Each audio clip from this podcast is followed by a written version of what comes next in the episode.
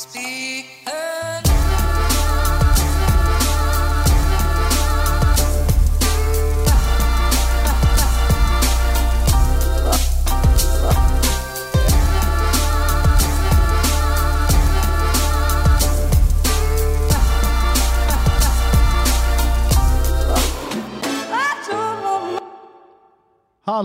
god dag, og velkommen hit til Klagemuren. Det er mandag 12. desember, og klokka mi er 13.56. Og jeg er i strålende humør. Strålende humør, litt blå form.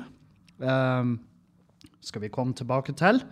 Og um, egentlig en flott mandag. Jeg sitter i studio til Juicy Producy, som er jo et studio som jeg har vært med og rigga opp uh, for min gode, gode venn og huseier, og uh, egentlig ja, eier, er vel eh, rette ordet nå, uh, Jørnis Josef. Uh, og um, stort sett hele uka, forrige uke, gikk til, gikk til det her eh, nydelige studioet han har satt i stand. Vi er ikke helt ferdig. Som dere sikkert hører, så er det litt romklang, og det skal vi jo adressere. Um, på den måten at vi skal henge opp diverse sånne her sånn her eh, pute på veggene. Pute blir vel, det, det er vel ikke det fagordet, Kevin, er det da? Det er akustikkplate, det er ordet du leter etter. Men det ser ut som pute hos noen. hvis, hvis, du, hvis du legger pengene i det og bestiller akustikkplate som ligner på pute, så er det akkurat det du får. Jeg håper jo det er det som blir bestilt hit. Eh, Det er flott her. Det er friske, energiske farger. Det er top of the line-utstyr. Han Jonis har virkelig spared no expense i det han har handla til det her studioet. Det eneste er at han har handla en mikser som er Ja. Overkill er vel det ordet jeg leter etter. En mikser til et podkaststudio, der trenger du virke Du trenger ikke å ta eh, steinhardt i. Men hvis du, hvis du har midlene, hvorfor ikke ta steinhardt i? Vel, eh, problemet da er at man ender gjerne opp med en mikser som ingen, ingen forstår. Eh, men til sammen så har vi vel samla akkurat nok eh, fagkunnskap på feltet til at vi har fått lyd i den. Så vi er sånn sett strålende fornøyd. Men, eh, men jeg fikk virkelig kjenne på det, eh, den følelsen av at nå, Kevin, nå har du tatt det vann over hodet. For jeg takka jo ja til å rigge opp studio. Jeg visste, jo ikke, jeg visste bare ikke hva det var slags utstyr han hadde gått for. Men eh, herregud, det, det, er jo eh, Så fort som man lærer seg å bruke alt sånn som det skal brukes, så tror jeg vi har eh, tidenes studio gående her. Um, Enda groggy i stemmen. Tett i nesen. Jeg har ikke brukt nesespray på fire-fem uker nå, og det er ufattelig stolt av. Det må jeg ærlig. Altså, jeg må bare si det rett ut. Dere lyttere som kjenner meg, dere vet jo at jeg har hatt eh, min runde med det, egentlig det meste. Og jeg må si at det å slutte på nesespray er vel kanskje det verste. Det, altså sånn, eh, det det var lettere å slutte på amf enn eh, nesespray. Jeg har også sagt at jeg var veldig heldig når det gjelder min, min lille min lille romspringer med amfetamin. Men altså, seriøst, nesespray. Lykke til, alle som skal avvenne seg den der. Jeg tror det letteste da er å bare Det er bare å bukse i hytta på fjellet, strømløs, uh, uten veier og sånn. Du vet, altså sånn, sånn som på film, når de bare blir fløyet inn og droppa en plass. Ei sånn hytte, uten strøm, uten mobil, du kan ikke ha tilgang med, til omverdenen, for da blir du Altså, du blir jo bestilt en nesespray. Du blir jo be en eller annen, du blir jo ringe noen og si 'Å, det er et nødstilfelle. Å, jeg, å, jeg har funnet, jeg har, jeg har funnet det, Atlantis. Dere må komme. Ta med dere nesespray.' Du, du hadde kommet til å gjort hva enn du trengte å gjøre for å få folk opp dit med en boks med Otrivin.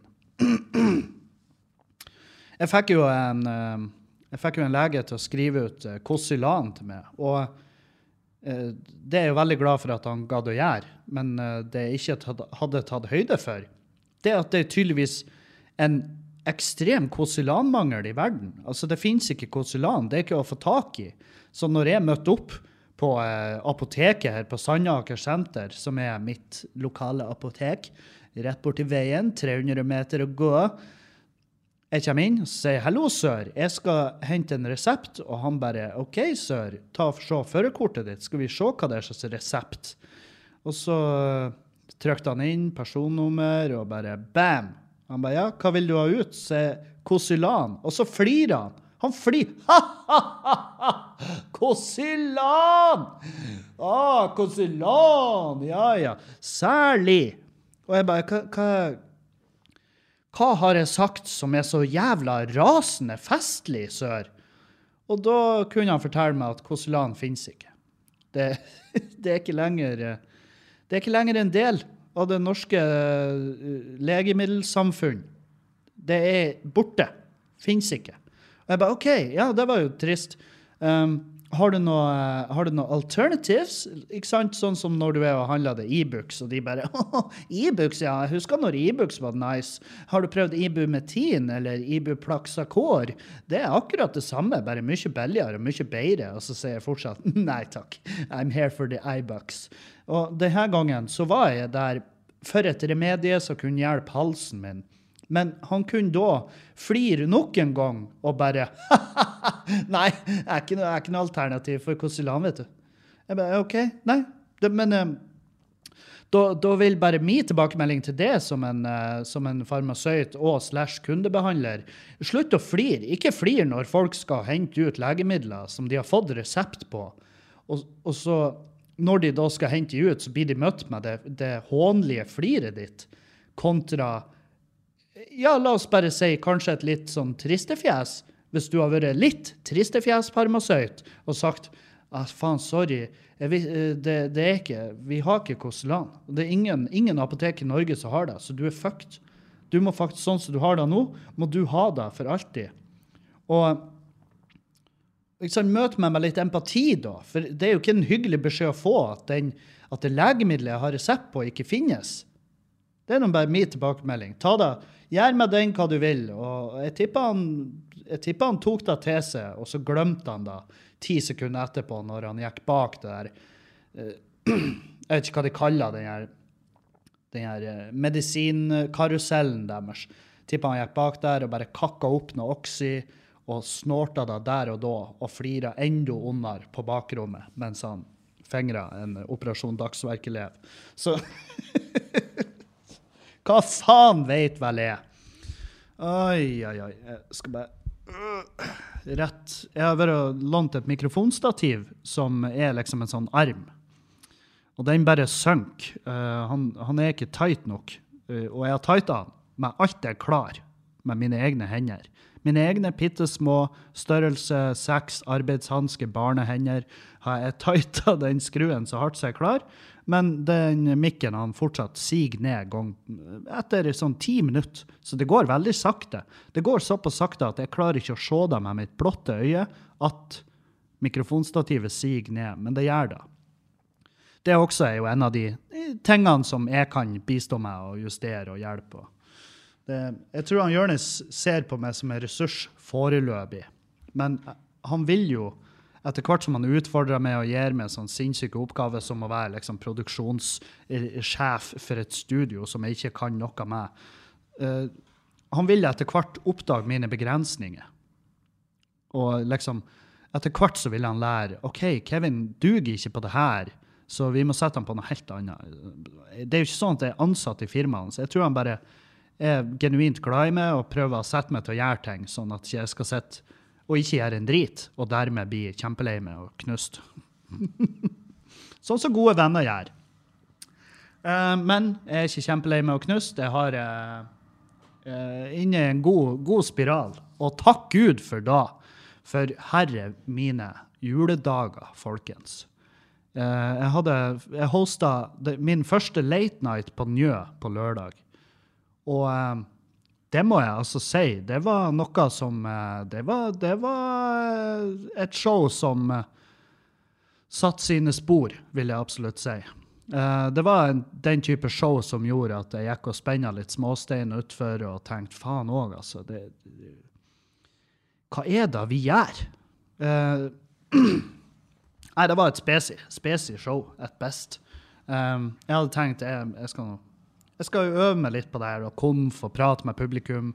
Men uh, Jeg vet da faen. Det var bare Det var, det var, det var bare en uh, grufull kveld. det var tungt å være på jobb. Og uh, jeg hadde jo heldigvis uh, Heldigvis var det ikke bare med alene. Hadde det vært bare med alene, så tror jeg det der det hadde endt stygt. Det hadde endt forferdelig stygt.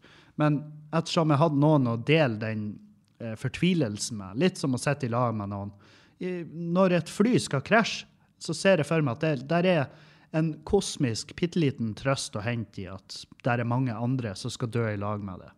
Og, og den følte jeg at jeg hadde med de komikerne som var der i, i lag med meg. Fordi at de eh, alle sammen hadde en røff dag på jobb.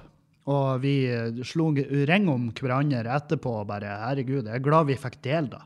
Jeg er glad vi fikk dele det øyeblikket, sånn at det er ikke bare én av oss som går herifra tarnished, men alle går herifra og tenker Jesus, jeg har faen meg vært i skyttergrava med Kevin og Eirik og Pernille Haaland og André Gjerman og Catherine Hesten og Alexander Bastiansen, som eh, var hele lineupen. Vi hadde i tillegg også Anders McCauley på en sånn eh, drop-in-spot. han var sånn Du, sett meg på i fem minutter. Ja, og jeg satte han på i fem-ti minutter, og eh, ja, nei, han, eh, det var ikke det var ikke rent bordstemning hos noen av oss. Catherine Heston, som er fra USA, uh, hun leda vel en late night i London, tror jeg. Um, hun var vel kanskje det som var best på scenen. Uh, hun, du merker at hun ble ikke skremt av For hun, merker, hun skjønner jo ingenting av hva vi sier når vi er på scenen, men det hun plukker opp på, er jo det manglende, manglende energien fra publikum. sant? Og merker at det er et par i publikum som kanskje er litt, litt over et visst punkt, sånn rusmessig, eh, som ja, gjør litt ekstra ut av seg. Og da er det liksom publikum du må jobbe litt ekstra hardt med og holde på plass. Eh, og det gjorde hun. Eh, og nei, det var bare Det var en spesiell kveld. En hard, hard dag på jobb. Uh, før jeg var på Late Nighten, så var jeg på Salt. Uh, sto jeg på Langhuset i lag med Espen Abrahamsen, som er, ja, som er jo uh, Dag Sørås sin nye oppvarmer. Veldig, veldig dyktig nykommer. Har vel gjort det her i faen meg Jeg lurer på om det er et år eller noe. Og han er bare en uh, fyr som virker til å forstå humor. Altså, han er bare genuint bra. Så hvis du får muligheten til å se Espen Abrahamsen Noe du gjør hvis du bare bor i Oslo-området, så så vil han dukke opp, for han, ja, han jobber. Han jobber masse og eh, har ja, på ekte trua på det her faget. Og da merker jeg at da er det litt lettere å ha trua på han. Skjønner? For det, det er evig med nykommere som, som, ikke har, som ikke har gnisten. Og da tenker jeg sånn, ja, hvorfor i faen skal jeg bruke tid på de, hvis ikke de har tenkt å bruke tid på seg sjøl? Men Espen, fy faen. Bra dude.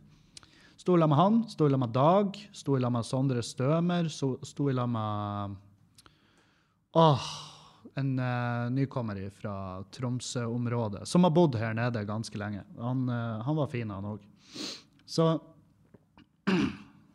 det var, en, eh, det var en bra gig. Da koser jeg meg. Eh, litt, eh, så, litt sånn stressa at jeg sto sist der og skulle lede eh, late nighten, for da måtte jeg bare ja, jeg og Juliane bare hoppa rett i uh, Vi fant oss en trikk som gikk hele veien opp til Njø. Og når jeg gikk av trikken, så var det fem minutter showstart her oppe. Så, så det var litt uh, det, det, Ting, ting gikk, gikk, ikke på, gikk ikke på skinner. Det gjorde det ikke. Det gikk på skinner sånn sett at vi rakk det, men jeg liker å ha litt bedre tid før et show. Eh, I tillegg så må jeg jo nevne at jeg har jo hatt eh, premiere på Katarsis. Yes. Det var eh, Det skal jeg bare si med en gang, folkens. Satan! Tusen hjertelig takk til dere som kom på den premieren. Det var Det var nok den beste premieren jeg har gjort. Jeg har aldri gjort en premiere på et show og vært så nervøs. jeg har aldri gjort en premiere som jeg har vært såpass fornøyd med. Bare pga. stemninga og, og eh, det, det var bare noe spesielt med beddingen den kvelden. Og Patrick Bottovsen fra RSP og Tomax, som ja, han er kjent som RSP, da. Han eh, skrev jo han skrev at eh, det føltes som han har vært med på noe mer spesielt Som var og en eller annen grunn sånn tilbakemelding jeg bare tok til mitt hjerte. og tenkte, For, for han beskrev det samme som jeg følte. Jeg, jeg våkna dagen etter og tenkte det var, ikke en, det var ikke en vanlig det var ikke en vanlig premiere. Det var bare helt superspesielt. Og jeg er veldig glad jeg fikk dele den med eh, 80, 80 andre bodøværinger. Jeg elsker dere. Tusen hjertelig takk for at dere kom. Spesielt stor takk til Bodø Nu og Avisa Nordland, som valgte å ikke komme og trille terningen på noe, på noe så trivielt som et standup-show. Hvorfor kaste bort tid på det? Eh, så uh, Grunnen til at det er litt blå mandag i dag Vel, etter den late nighten så, eh, så, så var det jo ikke, det var jo ikke vanskelig å be da, når det gjaldt å curle alkohol inn i fjeset mitt. Og jeg drakk eh, Jeg, trodde ikke jeg drakk så jævlig hardt, men jeg drakk altså nok til at når jeg kom hjem Julianne hadde dratt hjem litt før meg, for hun var ædru. Tenk på det. Tenk på Tenk å ha sett den late nighten. Ædru. Helvete! Det er jo hun som skal ha kriseoppfølging. Jeg kan i hvert fall gjemme bak at jeg vil si kanskje 40% av den kvelden er, er per nå et perifert minne som jeg må ha profesjonell hjelp for å hente fram igjen. Men hun var edru. Noe som vil si at hun, det får ikke misses. Hun kan ikke glemme det som skjedde der. Det er altså helt sinnssykt å tenke på. Så men i hvert fall, jeg drar hjem. Eh, ganske dritings, tydeligvis. Fordi, og det merka jeg fordi at hun Julianne liker ikke meg når hun er edru og jeg er full. Og det også er en sånn typisk greie som jeg har nada problemer med å forstå. Så da prøver jeg å ikke prate så mye til henne. Det som skjer da, er at da blir det mange sånn kleine stillheter som jeg føler veldig på. Så da prater jeg likevel. Og så prater jeg bare helt I stedet for å spørre eller fortelle ting som har eh, noen substans, så prøver jeg heller å bare bryte stillheten med ikke sant, sånn Hva du tror den heter? Hva tror du fargenavnet på veggene her? Hva du tror det kan være? Tror du det er sval bris eller morgendus? Det, sånne spørsmål for å bryte den stillheten. Og da blir hun selvfølgelig blir hun irritert. Men så laga hun mat til oss hun laga pizza, som hun har vært kjøpt på butikken. Og så fetter de i ovnen og tar ut. Og jeg hiver i meg tre stykker av den pizzaen, så kjenner jeg at hm, kroppen min er ikke enig. Så for første gang på inn i helvete lenge, så sprenger jeg på dass. Og jeg spyr, og jeg spyr, og jeg spyr. Og jeg kasta altså opp uh, en, jeg, jeg, fant ut mange ting om meg sjøl. Jeg fant ut at ja, jeg skriker fortsatt når jeg spyr. Jeg skriker som et barn. Det er sånn der bobler fra nesen og tårene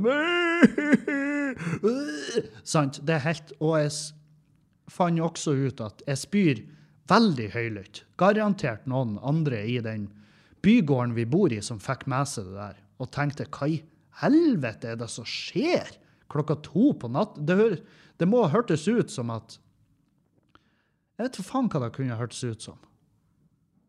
Jeg, jeg kan se for meg at det høres ut som at noen prøver å dra i gang en sånn tåkelur eller en sånn flyalarm. Og så er den bare det, det, det, er så lenge siden han har vært i gang, og den er rusten, og det er støv i systemet, og det blir jo sånn Sant? Så Men på et tidspunkt der, og jeg skal bare altså dere som ikke, Hvis du sitter og spiser nå bare sett på pause og vent til det, og ikke hør videre. På ekte, stol på meg når jeg sier det her. Stol på meg når jeg sier det her. Hvis du sitter og spiser, vent med å høre resten.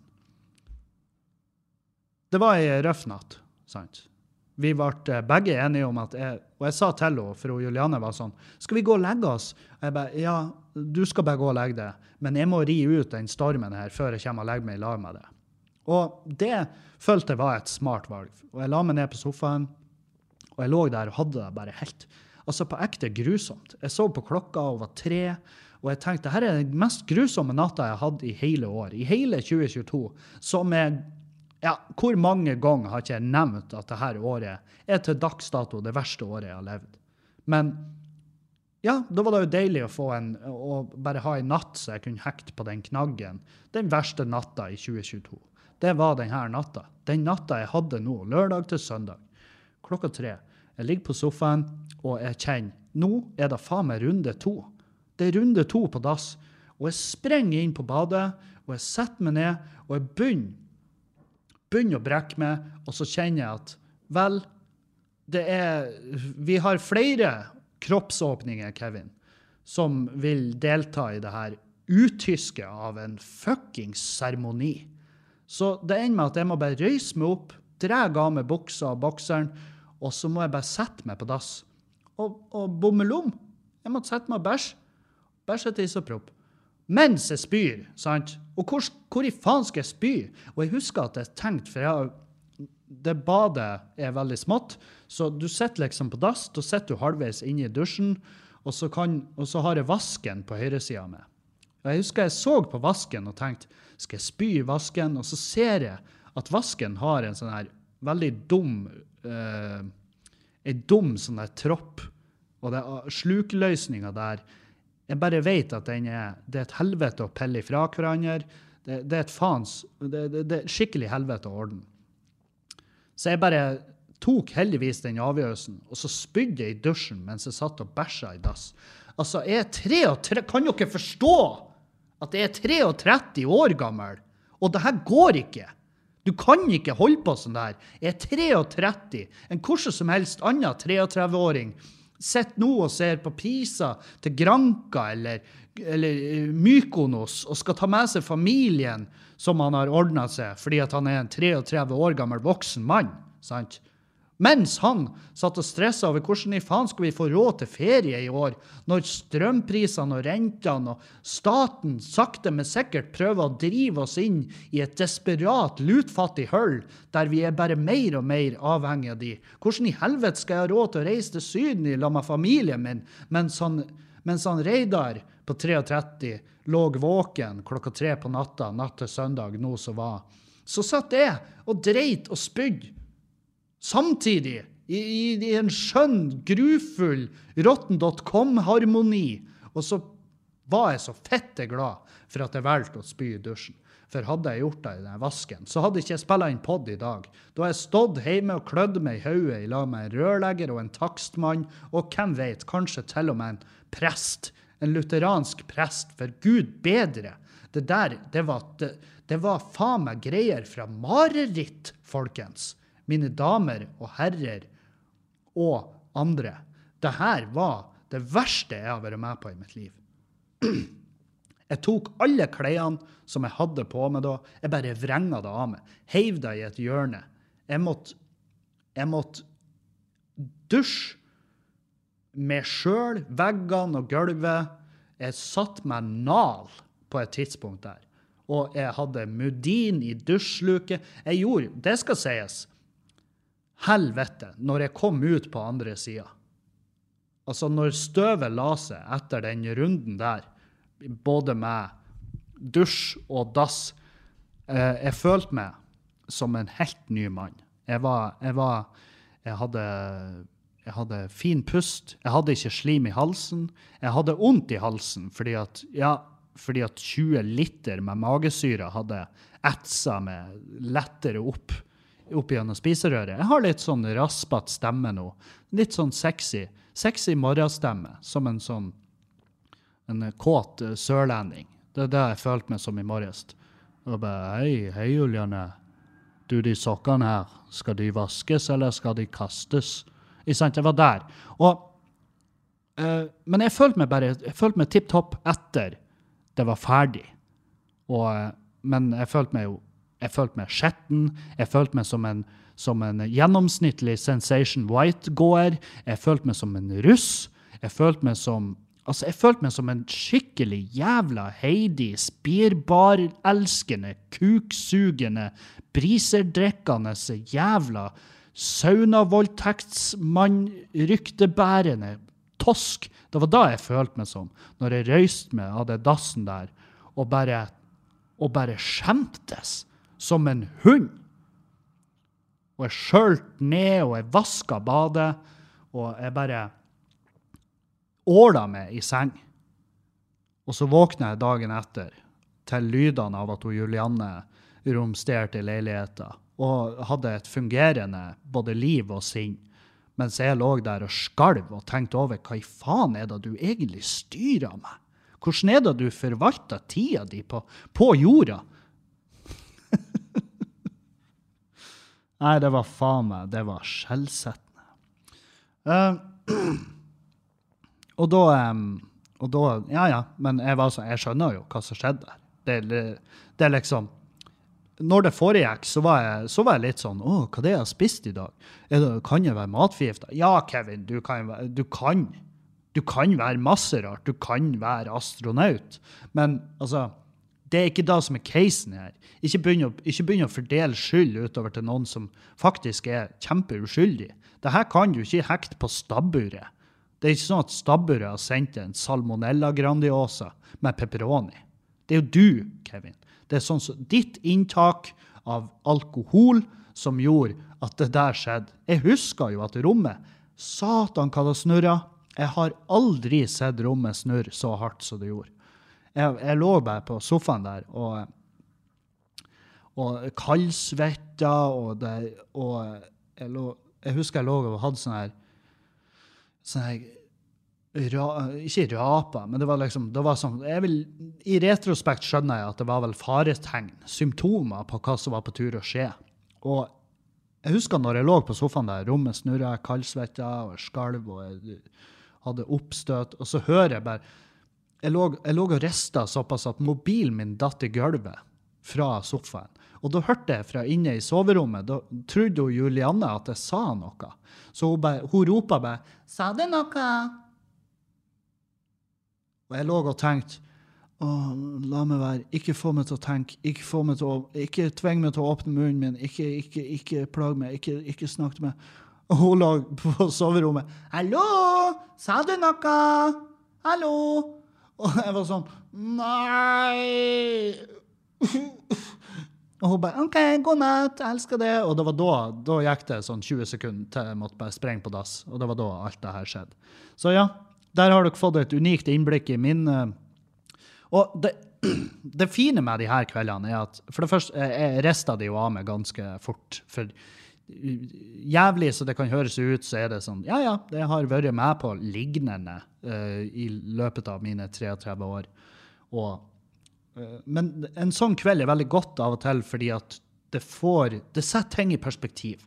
Det setter ting i et visst perspektiv. At eh, nå, nå er du du, Er det her det nye, liksom?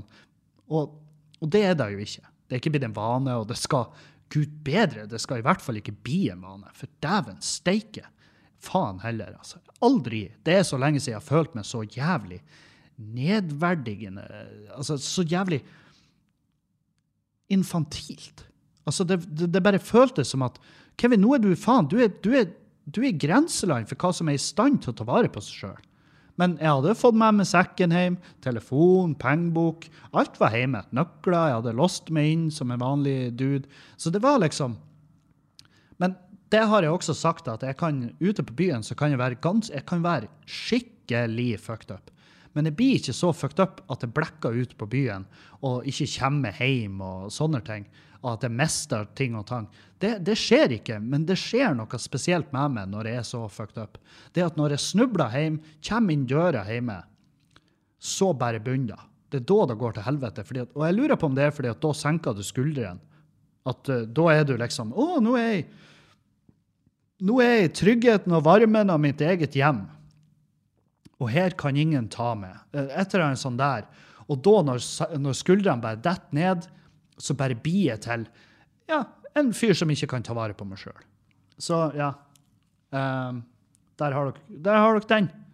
For dere som trodde at uh, ja, ja, alt, han blir nå en, ordentlig fyr når han kommer til Oslo. Nei. nei, nei, nei, nei. Jeg har bare tatt med det her groteske produktet av et utskudd som jeg er, og tatt med meg ned til Oslo for å vise det fram til hovedstadens innbyggere og håpe at de skal sette pris på det.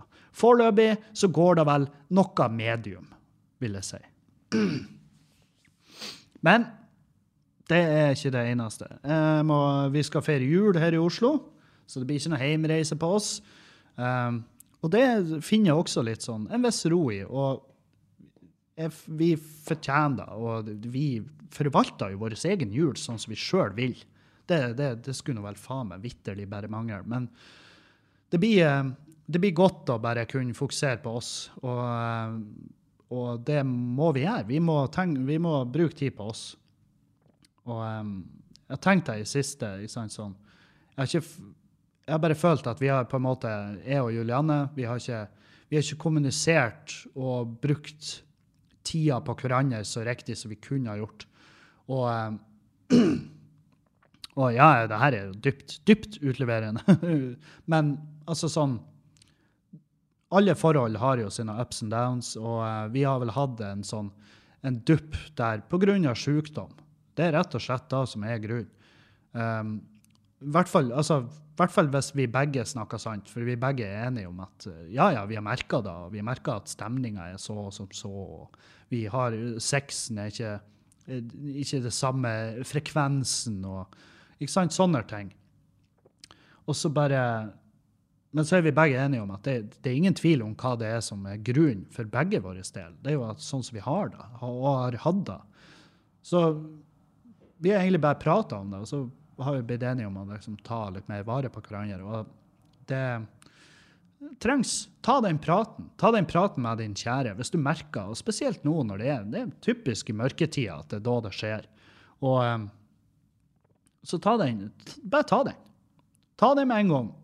Uansett hvor mye du, hvor mye du friker ut over resten av verden, og hvor samfunnet er på tur og sånn. Kjæresten din er ufattelig viktig at du bare klarer å klamre det fast til og beholde i livet ditt. Fordi at når shit hits the fan, ja, da kan det være greit å ha en partner. Partner in crime. Og jeg tror at uh, Det har jeg og Julianne prata om tidligere. Uh, hvor lenge blir vi å overleve i et postapokalyptisk samfunn, type Fallout eller Mad Max eller den slags? Ikke særlig lenge.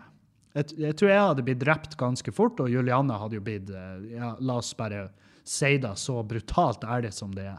Hun hadde blitt noe valuta i leiren. Absolutt. Så Og frem til den tid så er det veldig greit å ha, å ha en uh, kompanjong. Og det ser jeg i min kjæreste. Um,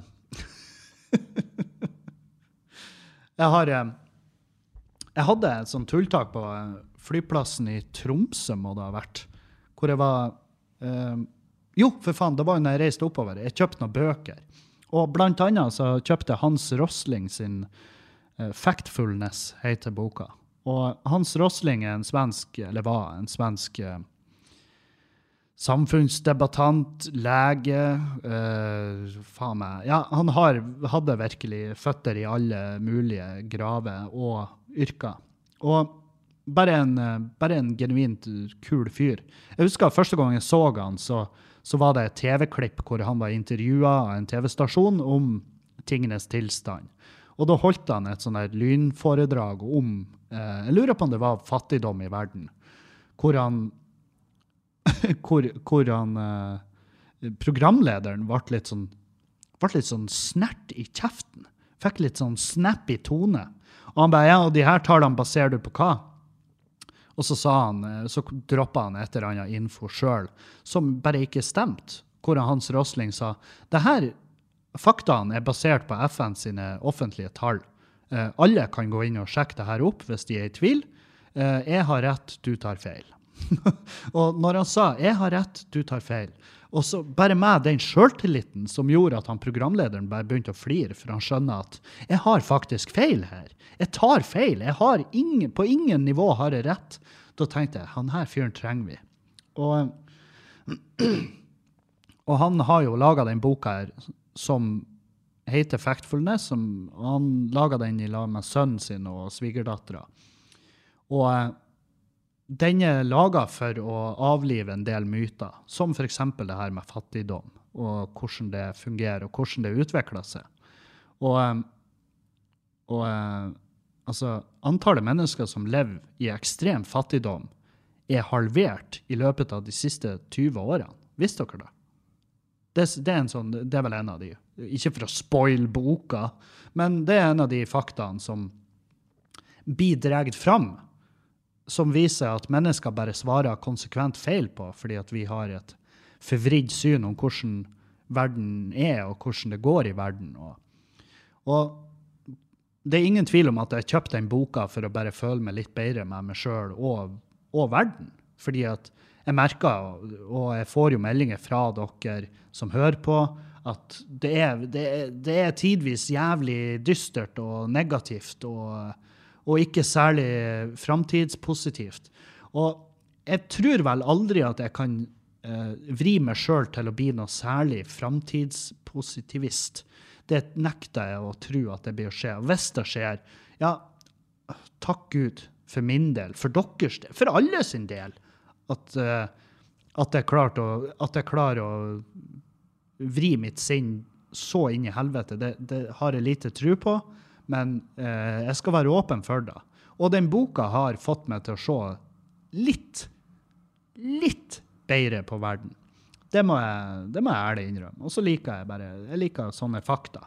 Det, jeg, jeg, ser på de der som fun facts. når han tar opp å, hvor mange som dør av aids hvert år. Jeg, jeg, ser på det som fun facts, fordi at det er mye mindre enn man skulle tro. Så, og, eh, men han har jo selvfølgelig han har jo et sånt punkt i boka, i hvert fall som jeg har lest til nå, hvor han er sånn Ja, ja, det, klimaet det går til helvete. Det er ikke noe, det, det er ikke noe hjemme da, men sånn er det nå.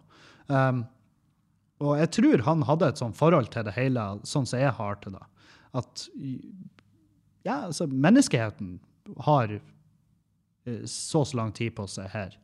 Og, um, og det blir eh, neppe å ordne seg.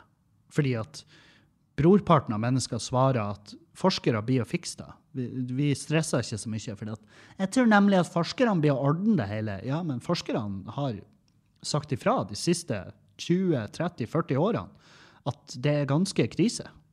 Og um, og det er klart, når vi da velger å ikke høre på de da, så kan vi ikke lenger sitte og bruke det som en sånn Ja, men jeg tror forskerne blir å fikse det. Fordi at de har prøvd. Men vi har bare ignorert de. Og faktisk brukt milliardevis av kroner i lobby for å få på en måte dyssa ned det forskerne sier. Så han, han, tar opp, han, tar opp, den greia at ja, klimaet er noe så som så, men det er også tegn der innenfor klima, som er liksom Det er bare mall. Det er mallinfo, det er feilinfo som er spredd, og det er det boka går ut på. Det er å tyde tall og ikke la det lure av statistikk. Han, han, er dyktig matematiker, Rosling, for at han setter på et, i et helt annet perspektiv enn de typiske grafene som vi ser, som bare peker nedover, og, og alt går til helvete. Når det faktisk ikke er sånn. Det er bare statistikken som er vridd til å vise det resultatet som hvem nå enn som har fremstilt det resultatet, vil ha. Og det er det som er skummelt med det. Hva annet har vi på menyen? Jo, jeg har sett eh, Jeg og Juliane foreså Lars Berrum sitt Amor Fatigue. Og eh, jeg må bare Altså, jeg elsker Lars Berrum. Han er virkelig en av de jeg blir, jeg blir, veldig rar med han i rommet, for han er bare en sånn personlighet og en persona som jeg har en sånn massiv respekt for. Altså, det, bare, det, det går ikke bort. Og han er fettig. han er for glup for alle rundt seg. Han er, det, og det her, nå ramser jeg bare opp. Nå runker jeg bare Lars Berrum sånn som jeg ser han i hodet mitt. Men han er bare en fantastisk fyr. Og Amor Fatigue er vel Altså, satan, for et show. For et nydelig skue. Og jeg, jeg måtte hjem etterpå og tenke meg om. For jeg sa til Julianne det her er et sånt show som får meg til å tenke hva faen er det jeg holder på med? Hva er det jeg gjør? Og Juliane var heldigvis eh, snill og flink og dyktig og bare sånn Ja, du gjør jo noe helt annet. Du gjør jo noe Du gjør jo ditt eget. Og eh, Og det er greit å bli minnet på, fordi at man er veldig fæl å måle seg sjøl opp mot andre og hvordan de gjør sine ting. Men du kan ikke gjøre det, fordi at, og spesielt i dette yrket. Ja, hvis jobben din er å lakkere biler, Og, og jeg skal lakkere den her blå, og han skal lakkere den blå. Akkurat samme farge, men den jobben han gjør, er jo objektivt mye bedre enn den jeg gjør. Ja, da må du prøve å se på den personen og hva han gjør, og prøve å ta til deg kunnskap og teknikk og lærdom, sånn at du også kan levere et sånt resultat i fremtida. Men når det er noe så særegent som som standup.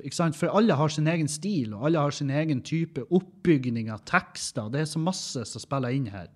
Um, så, eh, og det her er liksom, det har jeg sagt til meg sjøl veldig ofte, og mange ganger i løpet av min reise opp igjennom som komiker, at du må slutte å måle det opp etter andre, fordi at da blir du altså du blir bare du blir bare knust. Og så ender det med at du, du går inn i en depresjon. Og det er derfor, det er jo på ekte, en av grunnene til at jeg ikke ser så mye standup. Jeg, jeg, jeg setter ikke på en Netflix-special med standup. Fordi at For det første, hvorfor har han en Netflix-special? Hvorfor har hun en egen TV-kanal? Hvorfor sant, sånn der begynner, og så begynner Ja, så har de en bra beat på scenen, og så tenker jeg faen, hvorfor tenkte jeg ikke på den biten? Og så har de en kul stil.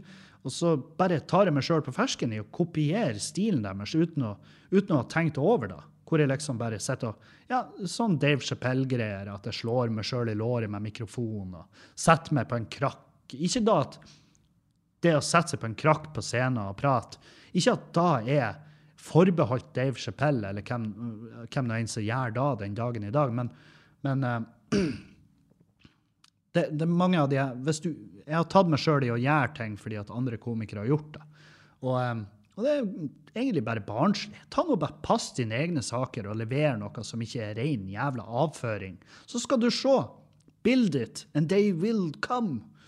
Så, og Derfor gjør jeg det. Jeg har begynt å booke masse til turneen Katarsis. Våren begynner å Altså vinter-vår begynner å fylles opp. Og um, vi slipper vi Jeg slipper. det er bare meg alene. Kevin aleine. Kevin aleine slipper alle de her showene eh, tirsdag, altså i morgen. Tirsdag 13. desember klokka to. Det er planen. Så, så, ja, jeg har masse arbeid jeg skal gjøre. Og det er det arbeidet jeg skal gjøre nå. Jeg ville bare innom og si hei til dere. Jeg er veldig glad i dere fortsatt. Og eh, vi høres igjen snarest! Og for dere som er på Patrion, så har dere fått en episode med Dag Sørås, en episode med Anders McCauley og en episode med to hyggelige karer fra Tromsø som driver en podkast som heter Blåmandag. Eh, to nykommere. Komikernykommere fra Tromsø. Så hei til de. Og eh, ja, hei til alle mine patrions. Og dere som har lyst til å bli patrion, gå på patrion.com slash Kevin Kildahl. Der finner du alt du trenger. Adjø, adjø og auf Wiedersehen.